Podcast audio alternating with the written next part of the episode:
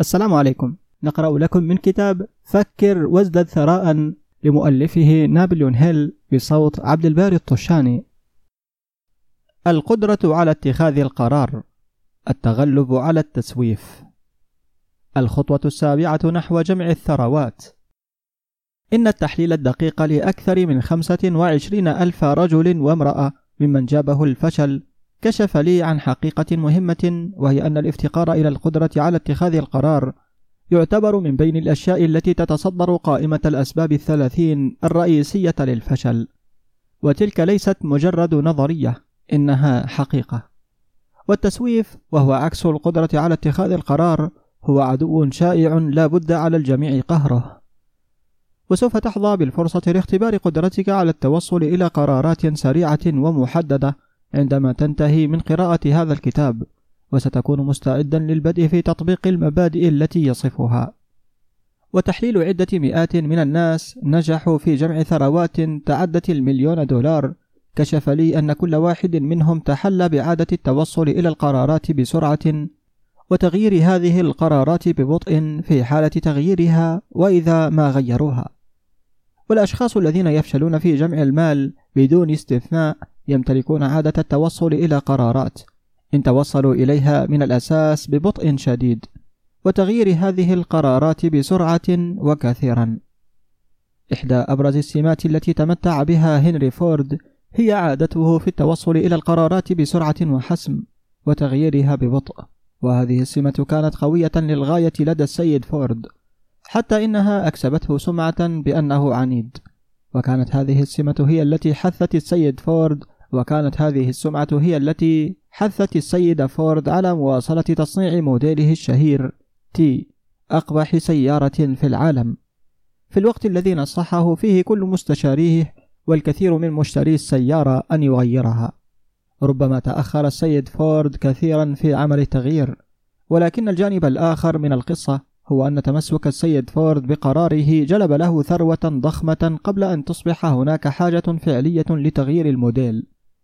ليس هناك شك أن عادة التشبث بالقرار التي تحل بها فورد جعلت الآخرين يظنون أنه عنيد ولكن هذه السمة أفضل من البطء في اتخاذ القرارات والسرعة في تغييرها. إن معظم من يفشلون في جمع ثروات كافية لتلبية احتياجاتهم يمكنهم بوجه عام التأثر بسهولة بآراء الآخرين فهم يسمحون للصحف وجيرانهم المنغمسين في القيل والقال أن يتولوا عملية التفكير نيابة عنهم. إن الآراء هي أرخص البضائع الموجودة على الأرض. فكل إنسان لديه سرب من الآراء يرغب في فرضها على أي شخص مستعد لتقبلها. إن كنت تتأثر بآراء الآخرين عند الوصول لقرارات لن تنجح في أي مسعى. ناهيك عن تحويل رغبتك إلى مال. فإن كنت تتأثر بآراء الآخرين لن تكون لديك رغبة خاصة بك. لا تستشر سوى نفسك عندما تبدأ في تطبيق المبادئ الموصوفة هنا. من خلال التوصل إلى قراراتك الخاصة واتباعها. لا تثق بأحد سوى مجموعة عقلك المدبر وتوخى الحرص الشديد عند اختيار هذه المجموعة بحيث تختار هؤلاء فقط الذين يملكون تناغما وتعاطفا كاملا مع غرضك. فالأصدقاء المقربون والأقرباء عادة ما يعرقلون دون أن يقصدوا هذا المرأة من خلال آرائهم وفي بعض الأحيان عبر السخرية والتي يقصد منها الفكاهة. إن آلاف الرجال والنساء يحملون عقد النقص معهم طوال حياتهم لأن شخصا حسن النية ولكن جاهل دمر ثقتهم عبر آرائه أو سخريته. إن لديك عقلا خاصا بك، استخدمه وتوصل إلى قراراتك الخاصة، وإن كنت بحاجة لحقائق أو معلومات من الآخرين لتتمكن من اتخاذ قرارات كما سيحدث على الأرجح في كثير من الحالات احصل على هذه الحقائق أو المعلومات التي تحتاج إليها بهدوء دون الكشف عن غرضك. فهي صفة من صفات الأشخاص الذين يملكون معرفة محدودة أو يحاول توليد الانطباع بأن لديهم كثيرا من المعرفة. ومثل هؤلاء الأشخاص يكثرون من السيطرة ويقللون من الاستماع. أبق عينيك وأذنيك مفتوحة وفمك مغلقا إن رغبت في اكتساب عادة القدرة السريعة على اتخاذ القرار. فالناس الذين يتحدثون كثيرا لا يفعلون أي شيء آخر. فإن كنت تتحدث أكثر مما تنصت فأنت لا تحرم نفسك فقط من الكثير من الفرص لجمع معرفة مفيدة. ولكنك أيضا تكشف عن خططك وأغراضك لأناس سيسعدهم هزيمتك لأنهم يحسدونك. تذكر أيضا أنه في كل مرة تفتح فمك في وجود شخص يملك وفرة من المعرفة فأنت تكشف لهذا الشخص مخزونك المحدد من المعرفة. أو افتقارك إياها. فالحكمة الحقيقية عادة ما تنعكس في التواضع والصمت. ضع في ذهنك حقيقة أن كل شخص تعرفه يبحث مثلك عن فرصة لجمع المال. فإن تحدثت عن خططك بحرية مطلقة قد تدهش عندما تعرف أن شخصا آخر قد بلغ هدفك قبلك. من خلال تنفيذ الخطط التي تحدثت عنها بحرية بدون حكمة. فلتجعل واحدا من أول القرارات التي تتخذها هو أن تغلق فمك وتبقي أذنيك وعينيك مفتوحة. وكي تذكر نفسك باتباع هذه النصيحة من الأفضل أن تنسخ العبارة التالية بحروف كبيرة وتضعها حيث يمكنك رؤيتها يوميا. أخبر العالم بما تنوي فعله ولكن أولا نفذه. وهذا يناظر مقولة الأفعال وليس الأقوال هي الأهم. الحرية وإما الموت فداء القرار. إن قيمة القرارات تتمثل في الشجاعة المطلوبة لاتخاذها فالقرارات العظيمة التي كانت بمثابة قاعدة للحضارة تم التوصل إليها بخوض مخاطرات كبيرة والتي تعني في الغالب احتمالية الموت.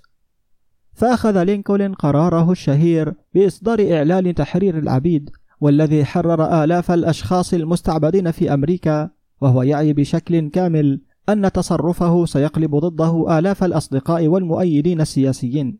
عرف أيضا أن تنفيذ هذا الإعلان سيعني موت آلاف الرجال في ساحة المعركة. وفي النهاية كلف لينكولن حياته. لقد تطلب هذا شجاعة. وقرار سقراط بشرب كوب من السم بدلا من التخلي عن اعتقاده الشخصي كان قرارا شجاعا. فقد قدم عجلة الزمن ألف سنة. ومنح الناس الذين لم يولدوا بعد حق حرية التفكير والكلام. وقرار الجنرال روبرت اي لي عندما انفصل عن الاتحاد وناصر الجنوب كان قرارا شجاعا لأنه عرف أنه قد يكلفه حياته وأنه سيسلب آخرين حياتهم أيضا. ولكن أعظم القرارات على مستوى كل العصور فيما يتعلق بمصلحة المواطن الأمريكي تم التوصل إليه في فيلادلفيا في الرابع من يوليو عام 1776 عندما وقع ستة وخمسون رجلا أسماءهم على وثيقة علموا أنها إما ستجلب الحرية لكل الأمريكيين أو ستؤدي إلى إعدام الستة وخمسين رجلا على آلة الإعدام. وقد سمعت بالطبع عن هذه الوثيقة الشهيرة ولكن ربما لم تستمد منها الدرس العظيم في الإنجاز الشخصي الذي تعلمه ببساطة. نحن جميعا نتذكر تاريخ هذا القرار التاريخي. ولكن قليل منا هم من يدركون الشجاعة التي تطلبها اتخاذ هذا القرار. فنحن نتذكر التاريخ كما تعلمناه. نحن نتذكر التواريخ وأسماء الرجال الذين حاربوا. نتذكر فالي فورج ويورك تاون. نتذكر جورج واشنطن واللورد كورنواليس. ولكننا لا نعرف الكثير عن القوى الفعلية خلف هذه الأسماء والتواريخ والأماكن. ونحن لا نعرف كذلك الكثير عن هذه القوة غير الملموسة. والتي منحت الحرية للأمريكيين قبل فترة طويلة من وصول جيوش واشنطن ليورك تاون. نحن نقرأ تاريخ الثورة ونعتقد عن خطأ أن جورج واشنطن كان أبا لأمريكا وأنه هو من نال الحرية للأمريكيين. والحقيقة هي أن واشنطن كان فقط عاملا مساعدا بعد الحدث لأن جيوشه حظت بالنصر قبل فترة طويلة من استسلام اللورد كورنواليس. وليس الغرض من هذا سلب واشنطن المجد الذي حققه عن جدارة. لكن الغرض هو إبداء كثير من الانتباه للقوة المذهلة التي كانت السبب الحقيقي في النصر. إنها لمأساة حقيقية أن كتاب التاريخ لم يشيروا أقل إشارة إلى القوة التي لا تقاوم التي منحت الحرية لأمة استطاعت أن تضع معايير جديدة لاستقلال كل الشعوب على الأرض. وأقول إنها مأساة لأنها القوة نفسها التي يجب استخدامها من قبل كل شخص يتغلب على صعوبات الحياة.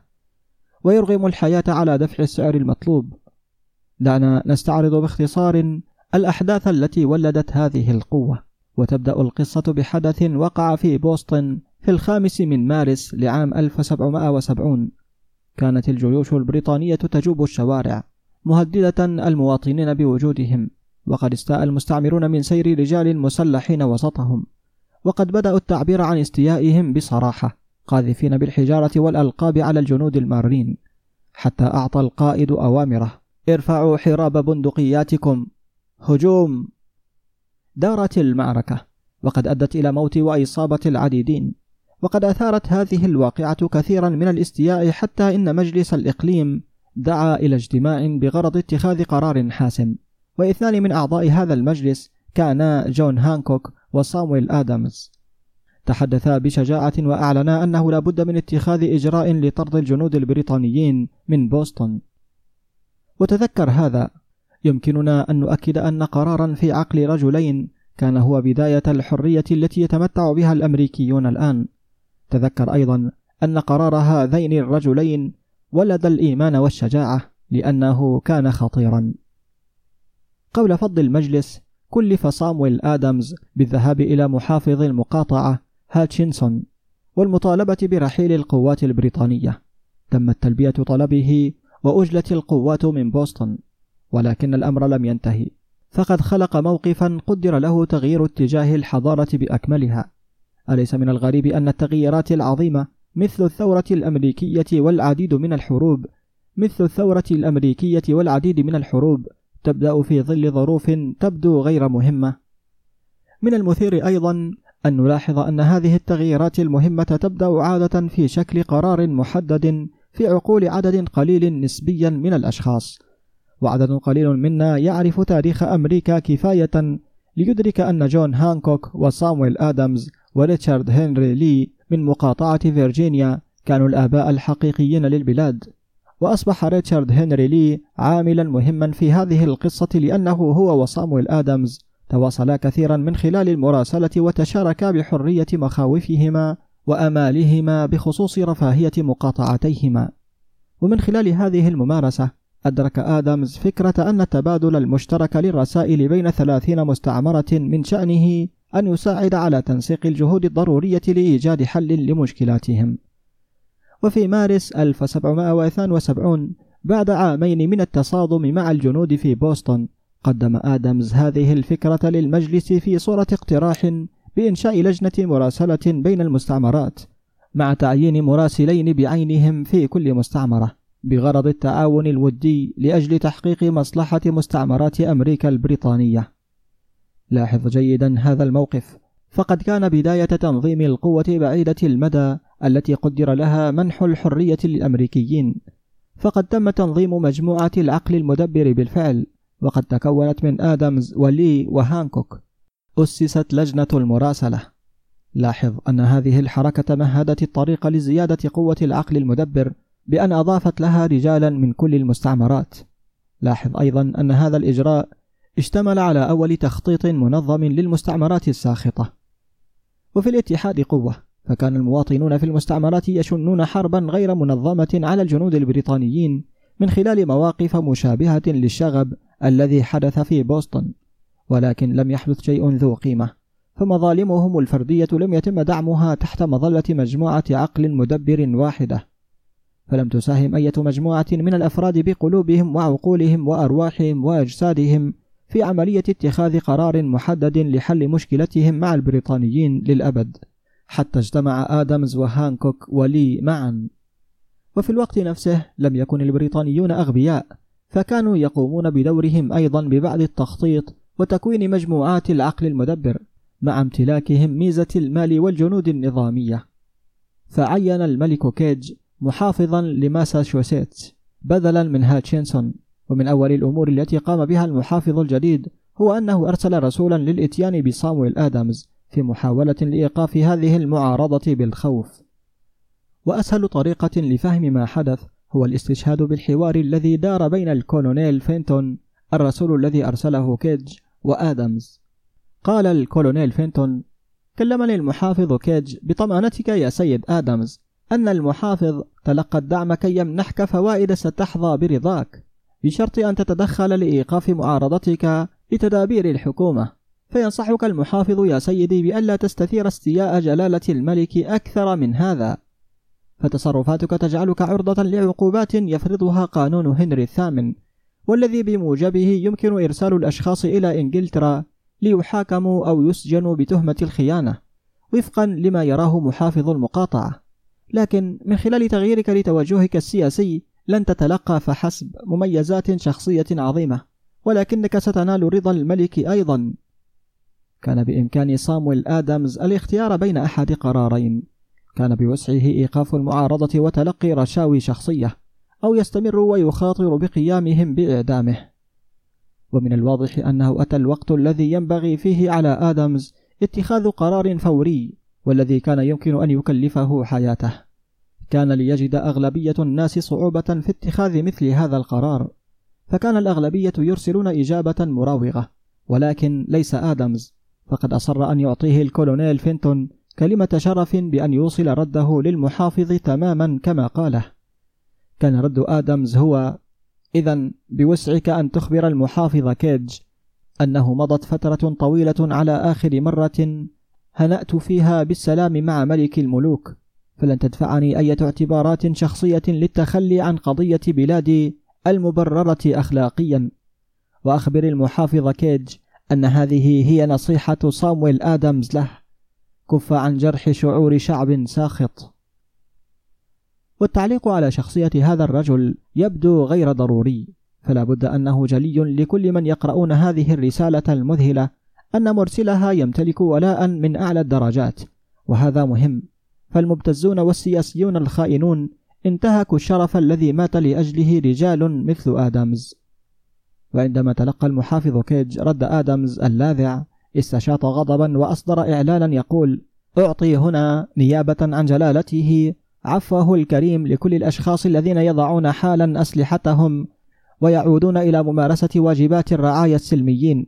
مستثنى فقط من هذا العفو صامويل آدمز وجون هانكوك واللذين ارتكبا جرائم شائنة للغاية تجعلهما لا يستحقان شيئا سوى العقاب.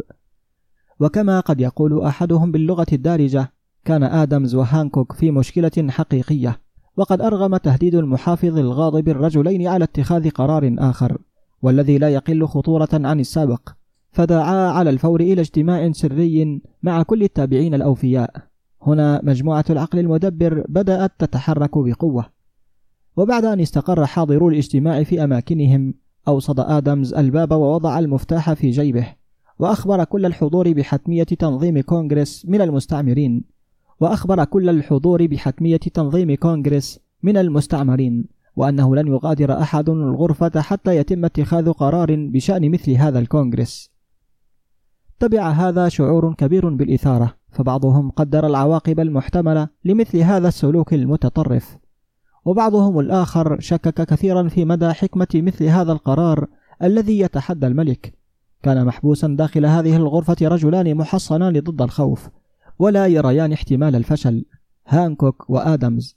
ومن خلال قوة تأثير عقليهما استطاعا حث الآخرين على الموافقة أنه من خلال لجنة المراسلة ستجرى الترتيبات اللازمة لعقد اجتماع لأول كونغرس قاري. في الخامس من سبتمبر لعام 1774 في فيلادلفيا.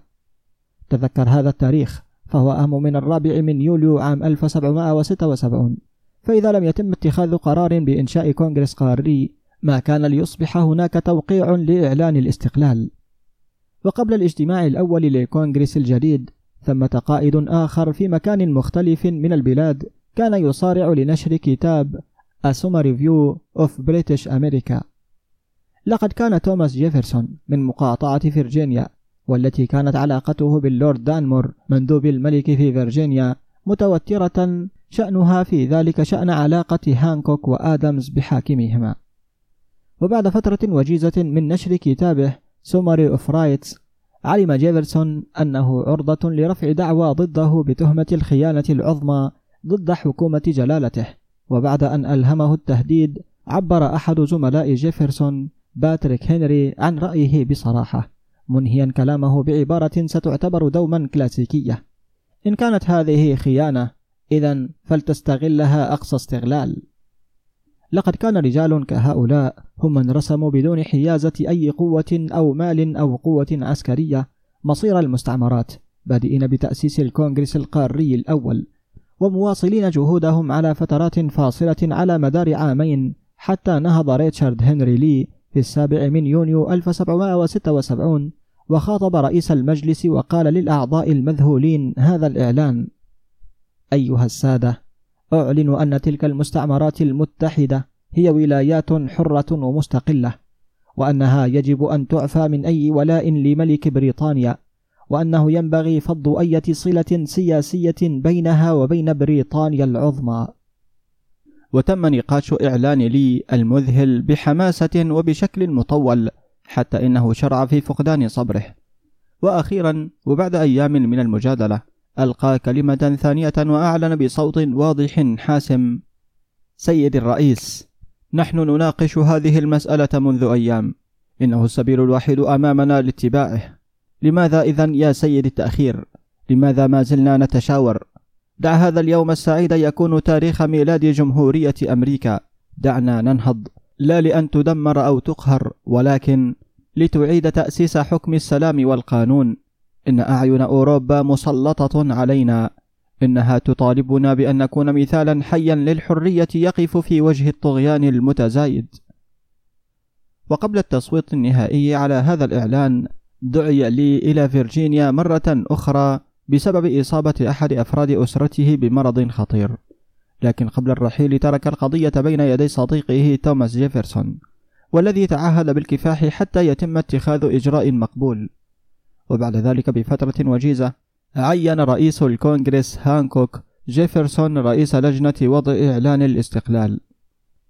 ظلت اللجنة تعمل طويلا وبكد في وثيقة سوف تعني عندما يقبلها الكونغرس أن كل رجل يوقعها سوف يوقع على شهادة وفاته في حالة إذا ما خسرت المستعمرات المعركة أمام بريطانيا العظمى والتي ستكون وشيكة لا محالة.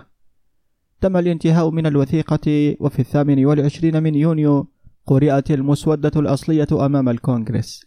ظلوا يناقشونها ويعدلونها لعدة أيام حتى أصبحت جاهزة وفي الرابع من يوليو عام 1776 وقف توماس جيفرسون أمام المجلس وقرأ بلا خوف أعظم قرار سبق أن صيغ على الورق.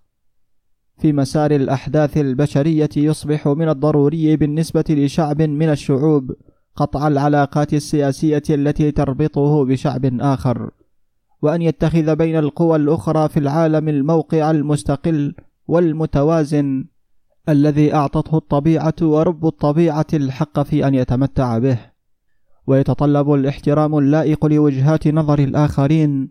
الإعلان عن الأسباب التي دعت إلى هذا الانفصال. وعندما انتهى جيفرسون تم التصويت على الوثيقة وقبولها وتوقيعها من قبل ستة وخمسين رجلا. والذي ضحى كل منهم بحياته باتخاذه قرار توقيع اسمه. فمن خلال هذا القرار ولدت أمة قدر لها أن تجلب إلى الإنسانية ميزة اتخاذ القرارات طبعا هذا في رأيه فعبر صنع قرارات بهذه الروح نفسها من الإيمان وفقط عبر هذه القرارات يمكن للأشخاص حل مشكلاتهم الشخصية والفوز بأعلى منازل الثروة المادية والروحية لأنفسهم. دعنا لا ننسى هذا. حلل الأحداث التي قادت إلى إعلان الاستقلال، وكن مقتنعا أن أمريكا ولدت بقرار توصل إليه مجموعة عقل مدبر مكونة من 56 رجلا. لاحظ جيدا حقيقة أنه كان قرارهم هو الذي جلب النصر لجيوش واشنطن، لأن روح هذا القرار كانت قابعة في قلب كل جندي حارب معهم وخدم كقوة روحية لا تعرف شيئا يسمى الفشل. لاحظ كذلك حيث سيحقق لك ذلك فائدة شخصية عظيمة.